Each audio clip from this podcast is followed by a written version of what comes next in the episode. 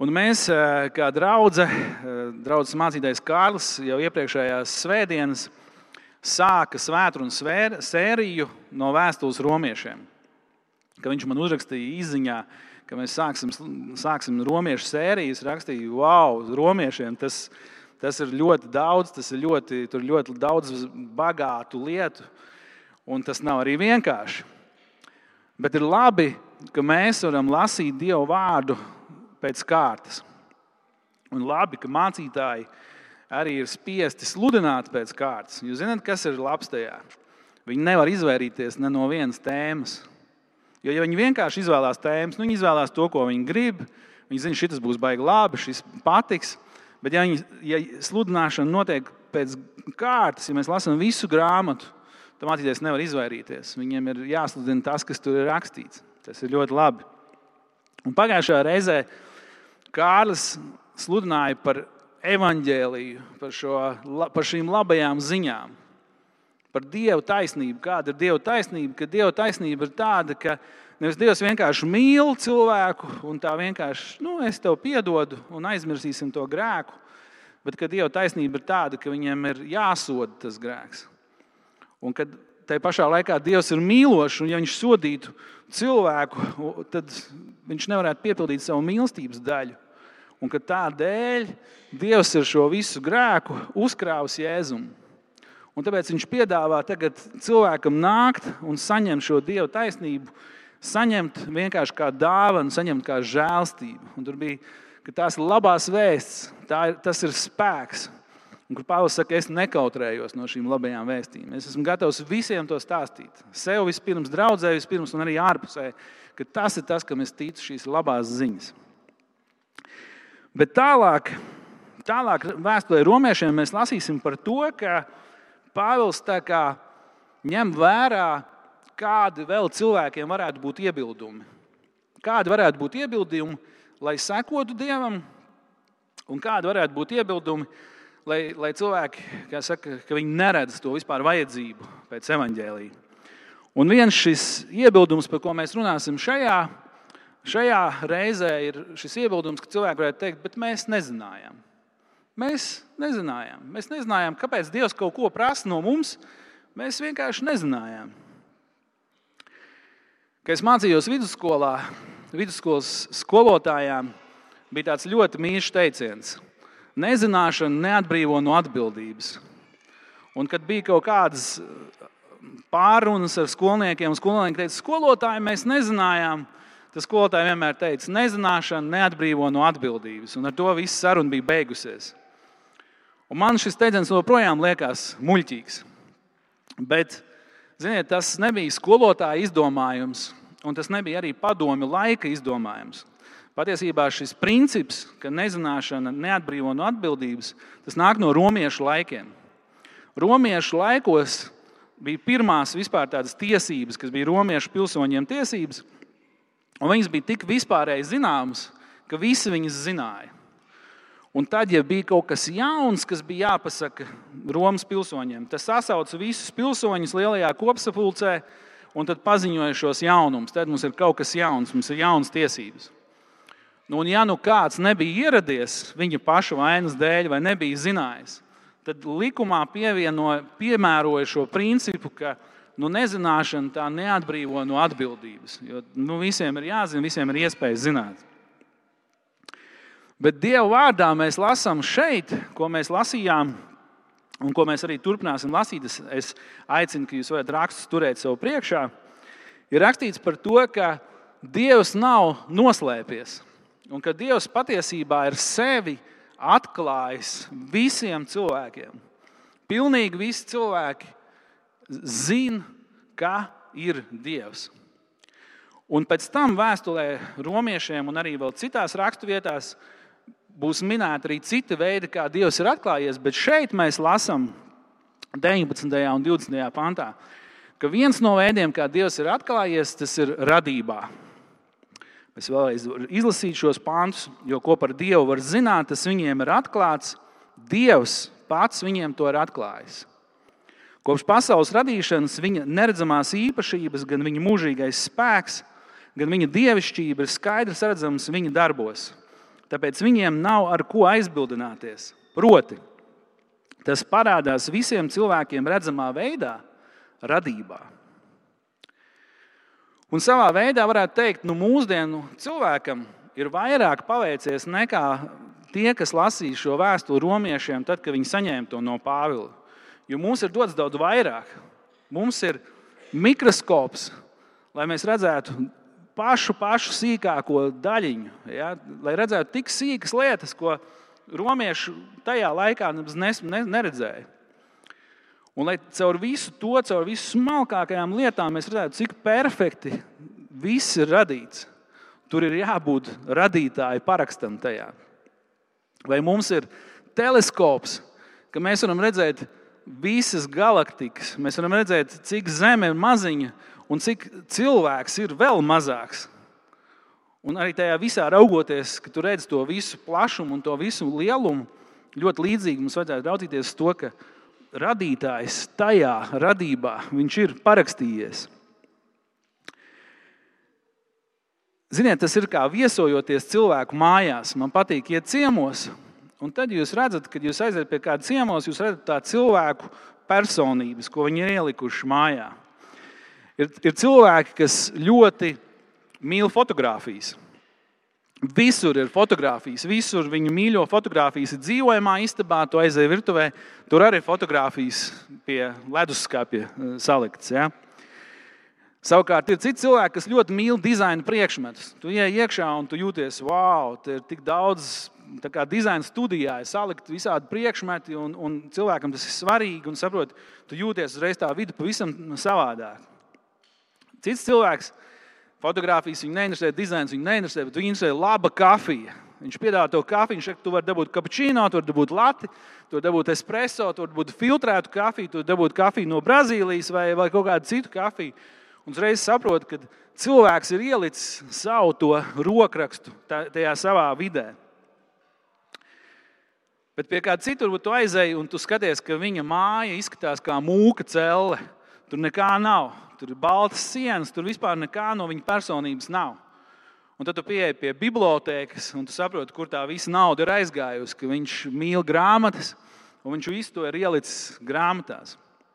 Un caur to es gribu teikt, ka Nav viena lieta labāka vai otra lieta sliktāka, bet mēs lasām šajā kontekstā, ka Dievs šajā zemē, radībā, ko Viņš ir radījis, kā viņa mājās, varētu teikt, savā veidā, ka Viņš ir ielicis šīs īpašības, ko mēs lasām, mūžīgo spēku un dievišķību. Ka jebkurš cilvēks, kas ir zemē, ka viņš to var sajust, ka viņš var to piedzīvot, ka viņš var redzēt, ka nu, to tikai kāds var radīt. Tas ir tik brīnišķīgi. Un mums ir noteikti arī šie dzīves īpašie mirkļi, kad esot kaut kur radībā, esot kaut kur ārā, dabā, mēs īpaši piedzīvojam, ka wow, tas ir tik skaisti. Mēs, kas dzīvojam Latvijā, mums droši vien viena no tādām no lietām, ko mēs bieži sanāk piedzīvot, ir saulrietis jūrā. Mēs varam aizbraukt uz jūru, un ir saulrietis, un liekas, nu, pat es jau esmu dzīves laikā, cik saulrietis jau redzējis. Bet tik un tā, tas mirklis ir kaut kāds īpašs. Mums patīk to raudzīties, patīk to skatīties. Un tu saproti, ka Dievs ir ielicis savu rokrakstu, savu parakstu tajā, ka jebkurš cilvēks savu radību var redzēt. Un tad mums gribētos domāt, ka nu, tāpēc, ka Dievs to tā ir izdarījis, un tāpēc, ka jebkurš cilvēks var to redzēt, ka, cilvē, ka cilvēkam vajadzētu iet un meklēt to radītāju, nu, kur, kur tad viņš ir, kāds viņš ir, es viņu vēlos iepazīt. Bet mēs lasām tālāk, mēs lasām 18. pantā, kas ir rakstīts, ka, ka cilvēks savā netaisnībā apslāpē patiesību. Viņš zina patiesību, viņš redz patiesību, bet viņš to apslāpē. Pirms vairākiem gadiem, mēs, kad bērni bija mazi, mazāki, mēs ar vienu ģimeni viesojāmies pie Tomas un Aigara dzīvoklī. Un tur bija kāda eh, tikšanās, un pieaugušie bija vienā istabā, un bērni bija otrā istabā. Viņam teica, re, kur jums ir papīra lapas lielās, un re, kur ir dizaineri, visādi marķieri un flomasteri. Jūs varat zīmēt visu, ko jūs gribat. Komiksus, eh, grafiti, vienalga, kas jums patīk. Un bērniem ļoti patika, jo to rakstāmā bija ļoti daudz, to papīra bija ļoti daudz. Un viņi aizrāvušies kaut kādā brīdī zīmē, un ar marķieriem viņu, viņi trāpījuši uz grīdas. Un grīda tur bija tieši tāda pati, varbūt pat labāka kā šeit, tāds parkets. Un, ja zin, to marķieru nevar tik ātri no, nozīmēt, no, notīrīt. Un tad pieaugušie ieiet iekšā, un mēs redzam, ka tur ir tas zīmējums. Un ko tie bērni bija izdomājuši? Viņi bija izdomājuši, ka ar balto korektoru tautā sauktu par tīpeksu, vajag uzvilkt vienkārši tādu krustiņu pāri. Tā kā rekur ir tas, tā, tā plecka, un rekur viņi uzvelk, tur nekā nav. Un viņi tā kā, tā kā nekas nebūtu bijis. Un mēs visi pieaugušie zinām, kas ir noticis, un visi bērni zina, bet viņi ir uzvilkuši krustiņu. Nē, tur nekā nav. Un ļoti līdzīgi mēs domājam par šo vārdu, kad, kad cilvēki zina, Dievs ir, bet apslāpē šo patiesību, uzvelk šo krustiņu tādu. Nē, nu, mēs vienkārši negribam par to domāt. Mēs negribam, negribam par to runāt. Angliski ir tāds teiciens, zilonis istabā. Ja, kad ir kaut kas, kas visi par to zina, kā, un viss tēlo, ka nu, nē, mēs ejam apkārt, mums nav ērti, bet mēs pārvietojamies apkārt ap šo ziloni, nerunājam par šo ziloni, ignorējam. Tā Dieva vārds saka par cilvēkiem, ka viņiem ir dievišķā atklāsme, ka Dievs ir parādījies, bet viņi tā kā nu, nerunāsim par to, vienkārši iesim apkārt. Un kas notiek tālāk, ja cilvēks apslāpē šo patiesību? Mēs tālāk lasām, ka notiek kritiens, vēl dziļāks kritiens. Un 21. pantā ir rakstīts, jo zinādami Dievu Viņi to nav turējuši godā kā dievu, viņam nav pateikušies, bet savos spriedumos krituši nīcības gūstā un savā sirds neprātā iegrimuši tumsā. Zinādami Dievu. Tas nav tādā veidā, kā mēs, kas mēs esam piedzimuši no augšas, kas mēs nākuši esam caur grēku, nožēlu pie Dieva, caur ticību, ka mēs esam piedzīvojuši, ka svētais gars mūs piepilda un ka mēs zinām Dievu pavisam savādākā veidā. Bet visiem cilvēkiem Dievs ir atklājies tādā veidā, līdzīgi kā saule un mēnesis, kas spīd. Pat tad, kad ir mākoņaina diena kā šī, tu zini, ka tur ir saule. Naktī izējot ārā, zini, ok, es nevaru redzēt to mēnesi, bet mēnesis viņš tur ir aiz tiem mākoņiem. Un tādās dienās, kad kad spīd saule, ka tu nespēji to vienkārši noliegt, ka cilvēks tik un tā, nē, es, es vienkārši par to nedomāšu. Es, es zinu, bet es to apslāpēju, es negribu par to domāt. Un tad līdzīgi kā vecāki, ka vecāki redz, ka tūlītās bērns nokritīs, tūlītās kaut kas notiks. Līdzīgi Dievs saka, ka tūlītās tu kritīsi, tūlītās notiks šis kritiens, un bērns pastāsta nē, un bladāts nokrīt. Līdzīgi mēs lasām, ka Dieva, Dieva vārdā, kad iegrimuši tumsā, savā sirds tumšā, ka viņi grimst vēl dziļāk. Kad cilvēks apslāpē un notiek šis kritiens aizvien dziļāk un dziļāk un dziļāk. Jūs zināt, cilvēks, kurš melo, kurš ir uzbūvējis savu dzīvi vai kaut kādu lietu, viņš ir samalojis. Un pēc tam viņš vairs nevar no šiem meliem izkāpt ārā. Viņš turpina melot vēl un vēl un vēl. Un beigās visa tā, viss tas stāsts vai viss tas dzīves notikums, viņš ir melos sapinies, ka cilvēks vairs neatcerās vispār, kāda bija patiesība. Un Dieva vārds saka par šo grimšanu aizvien dziļāk un dziļāk tumsā. Un es negribu, lai tas izklausās tā klišejiski, ka sakot šo teicienu, ka nu, kad mēs augām, nu, tad nu, tā nebija. Jo visas jau paudzes domā, un visas paudzes redz, ka, liekas, ka nākamā paudze tur notiek aizvien sliktāk un trakāk. Bet tomēr, bet tomēr daudzas lietas, ko mēs paskatītos pasaulē, kur mēs teiktu, pirms desmit gadiem tas nebija iedomājami. Tas šķiet, tas nav vispār iedomājams, ka kaut kas tāds notiktu. Tas tagad ir kļuvis par normālību. Mēs sakām, jā, tas, jā, tas notiek. Kā piemēram, cilvēks maina savu dzimumu, kam liekas, nu, tā nekad nenotiks, ka tas kļūs par kaut kādu normālu lietu. Bet tad mēs paskatāmies ziņās, un mēs redzam, ka cilvēks saka, nē, tas ir normāli. Mēs redzam, kā šis vārds, kas ir rakstīts, šī dieva dotā atklāsme, kā tas piepildās pie cilvēkiem, kad krīt aizvien dziļāk, dziļāk un dziļāk. Un mēs, kristieši, mēs bieži lietojam šo teicienu, bieži mēs sakam, ka Ādams ar ievu nu viņu visu sabojāja. Un kaut kādā ziņā tā jau ir patiesība. Ja, kā ir Dieva vārdā arī rakstīts, ka caur viņiem ienāca grēks, ienāca pasaulē. Bet Dieva vārds mums saka, ka cilvēks turpina iet prom aizvien tālāk un tālāk no Dieva. Tā kā šis nav apstājies šis process, nav apstājusies šī krišana dziļāk, tumsā, tā nav apstājusies. Tātad Dievs ir atklājis patiesību par sevi, cilvēks apslēp šo patiesību, stieg aizvien dziļāk un dziļāk tumsā. Un ko Dievs saka par to? Cilvēks, ka cilvēks ir muļķis. Mēs lasām 22. pantā, saugdami sevi par gudriem, tie kļuvuši ģeķi vai muļķi un apmainījuši neiznīcīgā dieva godību pret iznīcīgam cilvēkam un putniem, lopiem un rāpuļiem līdzīgiem tēliem. Nu, kāds iebildīs? Cilvēks nav muļķis. Mēs taču piedzīvojam, kad progress notiek tehnoloģijās, zinātnē, medicīnā. Katru gadu aizvien vairāk un vairāk un jaunāk un jaunāk sasniegumi, kas tiek paziņot, par ko mēs zinām. Un, ja mēs esam godīgi, man šķiet, ka cilvēka potenciāls jau nav vispār apstājies, ka būs vēl, ka būs vēl labāk. Ka mēs zinām, ka būs iespējams darīt lietas vēl gudrāk, vēl pārdomātāk, vēl ilgspējīgāk. Un mēs ar jums arī ir daudz lietas, par ko mēs varētu teikt, es esmu ļoti pateicīgs par šīm tehnoloģijām, vai par šo progresu, vai tas, kas ir mūsu dzīvēm. Ja jūs tā padomājat, ir daudz lietas, kas mums ir ļoti noderīgas, ko mēs esam jau pieraduši, ka tas jau liekas ikdienišķi, kas cilvēkiem pirms nezinu, 10 vai 20 gadiem bija vispār kaut kāda luksus, luksus lieta.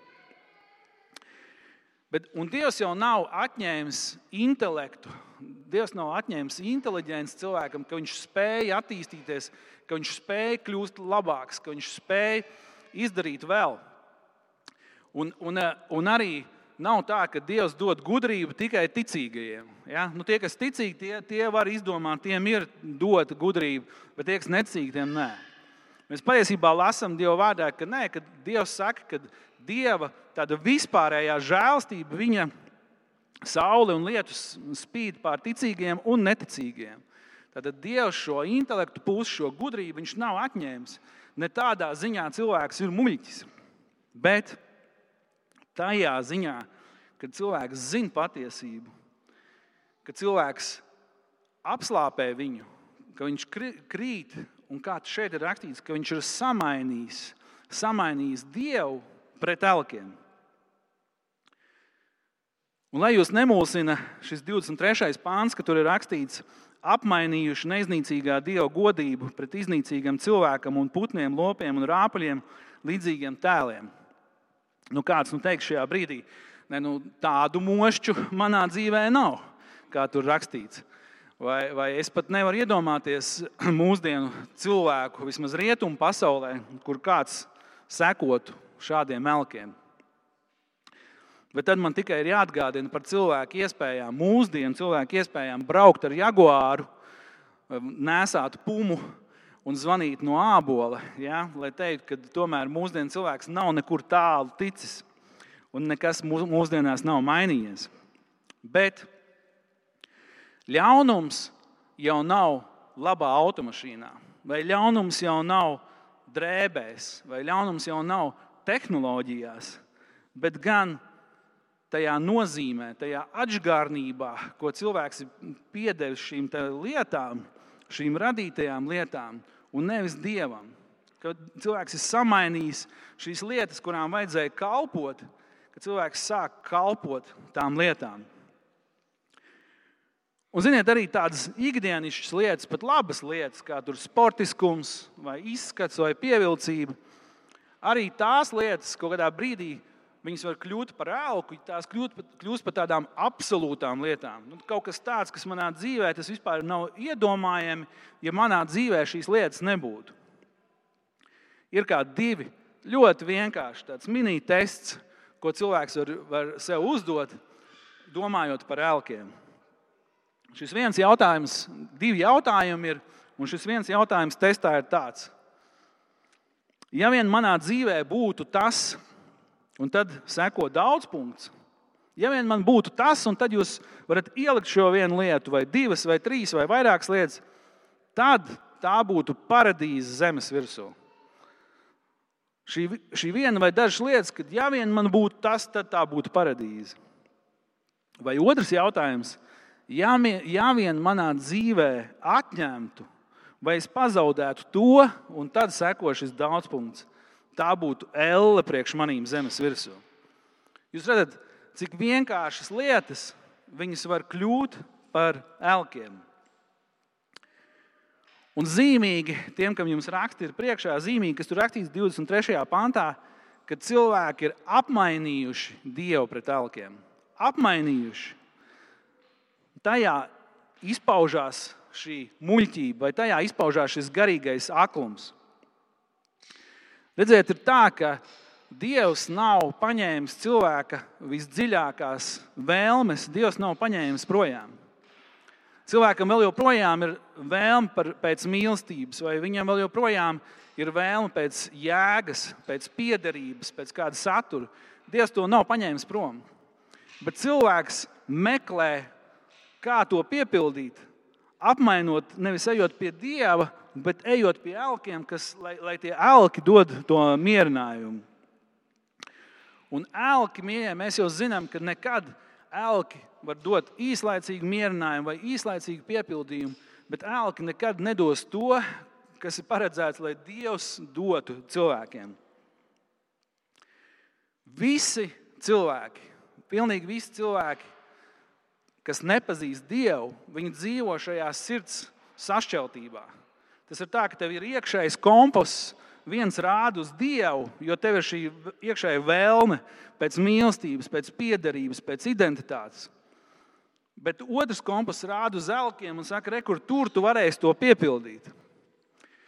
Un mēs, mīļie, kas esam atraduši Dieva žēlstību, mēs mēs skatāmies uz cilvēkiem, kas nav piedzīvojuši Dieva žēlstību nevis no augstumiem, nevis no turienes, ka o, mēs esam sasnieguši, bet mēs skatāmies kā nabagi, kas ir saņēmuši dzīvības maizi un kas zina, kur to dzīvības maizi var dabūt.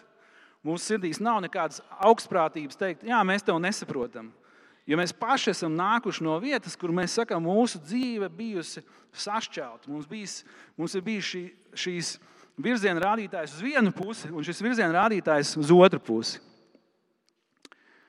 Tātad Dievs ir atklājis patiesību par sevi. Cilvēks apspiež šo patiesību. Viņš stieg, krīt dziļāk tumsā, bet viņam ir palikusi vajadzība pēc dieva, kuru viņš cenšas piepildīt caur alkiem. Un tad mēs lasām, kas notiek tālāk. Tādēļ nāk Dieva sots. Tādēļ nāk Dieva dusmība. Un kas ir rakstīts 24. un 25. pāntā? Tāpēc Dievs viņus, viņu sirds kārībās nodevis izvērtībai, kurā viņi paši sākuši sagandēt savas miesas, tāpēc, ka viņi dievišķo patiesību apmainījuši pret meliem un sākuši dievināt un pielūgt radību atstājot novārtā radītāju, kas ir augsta teicams mūžīgi. Āmen. Dieva dusmība. Es jums teicu pašā sākumā, ka ir labi lasīt rakstus viscauri, jo tad mēs varam runāt par visām tēmām, arī par dievu dusmību. Šeit ir rakstīts par dievu dusmību, kā tā izpaužās pie cilvēkiem. Šis nav vienīgais veids, kā dievu dusmība. Tālāk mēs lasīsim arī par dievu tiesu Bet šeit ir rakstīts par to veidu, ka Dieva dusmība izpaužās tajā, ka Dievs ļauj cilvēkam labi, lai tad notiek tev, tavs prāts. Tu esi izvēlējies kaut kādas izvēles dzīvē, labi, es piekrītu, tad dari to. Dieva sirds ir līdzīga kā noskumuša vecāku sirds, ka viņi redz, ka bērni nepaklaus, viņi izvēlās kaut ko nepareizi, bet viņi negrib atgriezties Un ka vecāks saka, labi, tad tu piedzīvosi savas izvēles, savas grēka sekas. Un Dievs saka, labi, tad cilvēks ir apslāpējis, viņš ir novērsies, un Dievs saka, labi, lai notiek tavs prāts. Un daudz cilvēku teiks, yes, beidzot ir brīvība, beidzot es varu darīt to, ko es gribu. Beidzot, man nav jāpilda kaut kāds tas, ko Dievs grib. Es gribu darīt to, ko es gribu, lai notiek mans prāts, nevis Dieva prāts. Nesen bija tāds, tāda aptauja Gen Z paudzes vidū. Par jauniešiem gāja runa eh, un par tādu lietu kā manifestācija. Un manifestācija tas ir tāds, tāds vingrinājums, ka cilvēks ar savu domu spēku, ar savām vīzijām, viņš domā par kaut kādām pozitīvām lietām, un viņš grib ievilkt šīs pozitīvās lietas savā dzīvēm. Viņš grib, domājot un turpinot katru dienu, domājot par to, viņš grib, lai viņa dzīve rod, rodās tāda, kādu viņš to ir izdomājis, kādu viņš grib. Nu, būsim atklāti, tā ir vienkārši savu veidu mūsdienu buršanās. Tas ir tā, ka es gribu pieburt to dzīvi, to, ko es esmu iedomājies. Un mēs lasām, ka patiesībā tā būtu traģēdija, ja notiek tas. Jo Dievs saka, ja, ja Dievs pasaka, lai notiek tavs prāts, tad saproti, ka tāda dzīve aiziet pazušanā. Ka sliktākais, kas var notikt, ir tas, ka Dievs pasakā, labi, dari, dari, saņem to, ko tu vēlies dzīvē, dari to, ko tu vēlies dzīvē. Mēs saprotam, ka tāda dzīve, kurā tiek piepildītas cilvēku vēlmes, viņa ved pazušanā. Dieva vārds mums to saka. Domājot par visām šīm lietām, ko es ko man Kārlis bija uzticējis sludināt šodien. Domājot par šīm visām lietām, tas izklausās tā, ka jūs aizietu pie ārsta, un ārsts jums pateiktu sliktu diagnozi. Un jūs izlasat šo slikto diagnozi. Un šeit, bet, ziniet, nav, tā nav pēdējā diagnoze, ir vēl viena. Un jūs izlasat arī to, un tā ir sliktāka nekā tā iepriekšējā. Un tad ārsts saka, piedod, bet ir vēl viena. Un, un jūs izklausāties to diagnozi, un tā ir vēl sliktāka nekā tās divas iepriekšējās. Un tad ārsts nobužās un saka, ir vēl viena diagnoze, un tā ir vēl sliktāka nekā tās iepriekšējās trīs. Un varētu teikt, tu, tu to izlasi, noklausies un to redzi. Bet slavu Dievam, ka šeit, pat, kur mēs lasījām, mēs redzam arī šo glābšanas recepti. Ka Dievs arī šeit ir devis šo dziedināšanu, šo glābšanas recepti. Un 25. pantā mēs varam lasīt par cilvēkiem, par cilvēkiem, kuri nav pielūguši radītāju, kas ir augsti teicams mūžīgi. Tur rakstīts, ka cilvēki, kas nav pielūguši radītāju, bet šeit arī mums ir parādīts dzīvības ceļš Šeit ir arī šīs zāles, šeit ir arī šis dzīvības ceļš, kad cilvēks, cilvēks, kurš atgriezīsies, cilvēks, kurš nāk pie Dieva caur grēku nožēlu, caur ticību Jēzum. Visas šīs lietas, visu, ko mēs runājām, ko Dieva vārds atklāja, Dievs reversā veidā, reversā veidā viņš paņem šīs lietas un atgriež pretējā virzienā. Redziet, Dieva vārds mums atklāja, ko mēs pirms tam runājām par šo evaņģēlīju, par šīm labajām ziņām, ka visā šīs, šajā sliktajā diagnozē ir šī cerība, ka, ja cilvēks atgriežas pie, pie radītāja, ja cilvēks atgriežas pie Dieva, ka Dievs nevis kā tāds vecāks, kurš nu redz, redz, es tev teicu, tagad tu nokriti un redz, kā tev gadījās. Bet kad Dievs savā mīlestībā novērš visu to, kas šeit tika uzskaitīts. Vispirms, sākot ar dusmību, runāts par Dieva dusmām, ka viņš tās dusmas uzliek Jēzum. Ka viņš uzkrāja tās dusmas, nekur nepazūd, jo tās ir svētas dusmas. Tas cilvēks ir pelnījis šo sodu. Viņš nesaka, nu nekas. Viņš saka, nē, rekur, es paņemu viņas uz sevi es pats izciešu. Un kad Dievs tā, un cilvēks, kas ir atgriezies, ka viņš saprot, ka tā vietā Dievs saka, nevis tagad, nu tagad mūsu attiecības būs pa nulēm, un tad tev būs pārbaudas laiks, Bet, kad Dievs dāvā savu žēlstību, dāvā savu mīlestību, Dievs saka, man dusmība nenāks vairāk par tevi. Tu esi atgriezies, esmu to uzkrāvis jēzumu, un man dusmība vairs neskars tevi.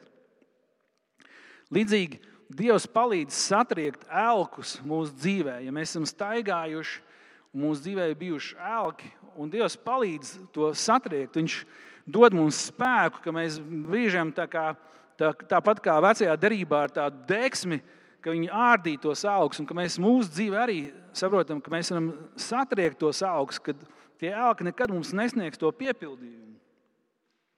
Un kad Dievs dod šās atjaunotās attiecības, Viņš nāk un saka, es jums dodu. Mēs attiecības ne tikai par nulēm, bet es aicinu tevi atpakaļ atgriezties tajās mīlestības attiecībās. Tev vairs nav jākalpo elkiem. Elki dod tev važas, elki dod tev melus, viņi dod šo īslaicīgo mierinājumu, un pēc tam vienkārši tu atkal esi bedrē un atkal jūties nospiests, pamests, tev ir kauns. Un Dievs saka, nē, nāc pie manis, es tev došu brīvību, kad būsi brīvs no elkiem. Tu iemantos, kāda ir patiesa brīvība, nevis tā brīvība, kas tev likās, kāda viņa būs.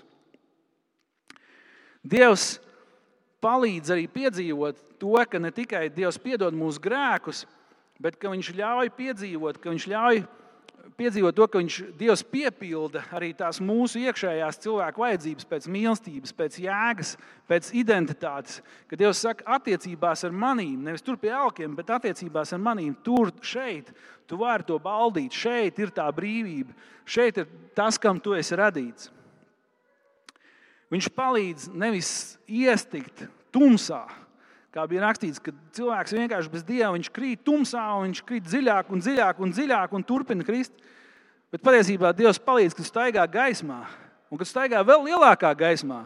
Un nākamā dienā staigā vēl lielākā gaismā, un kad Dievs saka, re, kur es dodu tev savu spēku, kad atgriešanās pie manis, tas nozīmē nevis vienkārši tā neitrāli, es te pasēdēšu, bet kad tu staigā gaismā, kad tu staigā ar Dievu, kad tu piedzīvo to, ka, oh, Man nav jāslēpjas, man nav jābūt kaunā, man nav jāslēpj mans grēks patiesībā, bet man viņš jāizsūdz, man viņš jānes gaismā. Varbūt dažreiz draudzes priekšā vai brāļa māsas priekšā saka, re, kur man dzīvē ir grēks, es gribu to nest gaismā, es negribu, lai man ir kauns.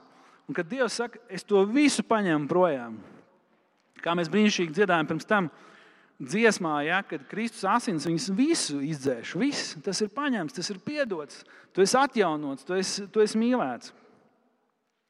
Un kad Dievs palīdz dzīvot dzīvi, nevis tādu, kas apslēpj patiesību, nevis tas, ka tu paņem atkal to balto flomasteru un uzzīmē, nē, es negribu dzirdēt, bet kad Dievs tev dod slāpes pēc patiesības, saka, Kungs, es gribu patiesību, es gribu vēl, es gribu tavu vārdu, es gribu lasīt to, es gribu baroties no tā, es gribu stiprināt savu ticību. Kad visas šīs lietas, visas šīs lietas, ko Dievs saka, kas bez viņa notiek cilvēka dzīvēm, ka Dievs savā žēlstībā saka, bet es viņus pavēršu. Ja tu atgriezies pie manis, tad viss šis mainās. Ne tikai tas, ka tev grēki piedod, bet tas, ka tu vari staigāt brīvībā, ka tu vari staigāt brīvs no elkiem, ka tu vari uzvarēt elkus savā dzīvē. Dievs patiesi ir vienīgais, kas ir augsts teicams. Dievs ir vienīgais, kurš ir cienīgs. Slavu Dievam, ka mums nav jāgaida rītdiena. Slavu Dievam, ka mums nav jāgaida jauns, jaunais gads, un tad mēs saņemsimies, un tad mēs būsim jaunais cilvēks. Bet slavu Dievam, ka Dievs mums saka, šodien Viņš grib dot šodien, tur, kur tu esi. Nevis, ka tev ir jāsaņemās, bet ka tu vari atkal no Dieva saņemt. Vienkārši iet tāds, kāds tu esi, un ka tu vari atkal saņemt pie, pie Dieva šo brīvību, šo dziedināšanu, šo atdošanu no taviem grēkiem. Ja tu šo visu piedzīvo savā dzīvē, ja tu saki, Normand, tā ir mana ikdiena, ja tu stāsti, tā ir vienkārši aleluja, es vienkārši dzīvoju tajā, es baudu. Tad šī ir diena, kad tu vēlreiz vari pienest pateicību Dievam. Šī ir vēlreiz diena, kad tu vari pateikt, Kungs, paldies, es zinu, no kurienes tu man esi izrāvis. Es atceros, kā tas ir dzīvot ar dalītu sirdi.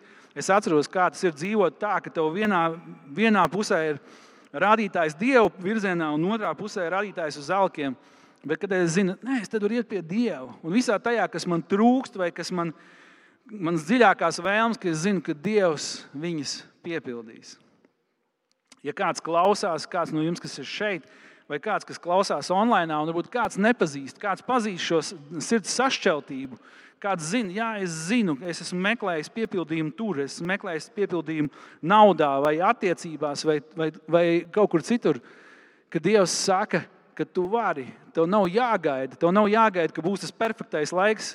Tas ir tik vienkārši. Šeit un tagad Dievs saka, visas šīs lietas, viss, kas notiek ar tevi, viss, kas notiek ar visiem cilvēkiem, tas var vienā mirklī tapt pārvērsts.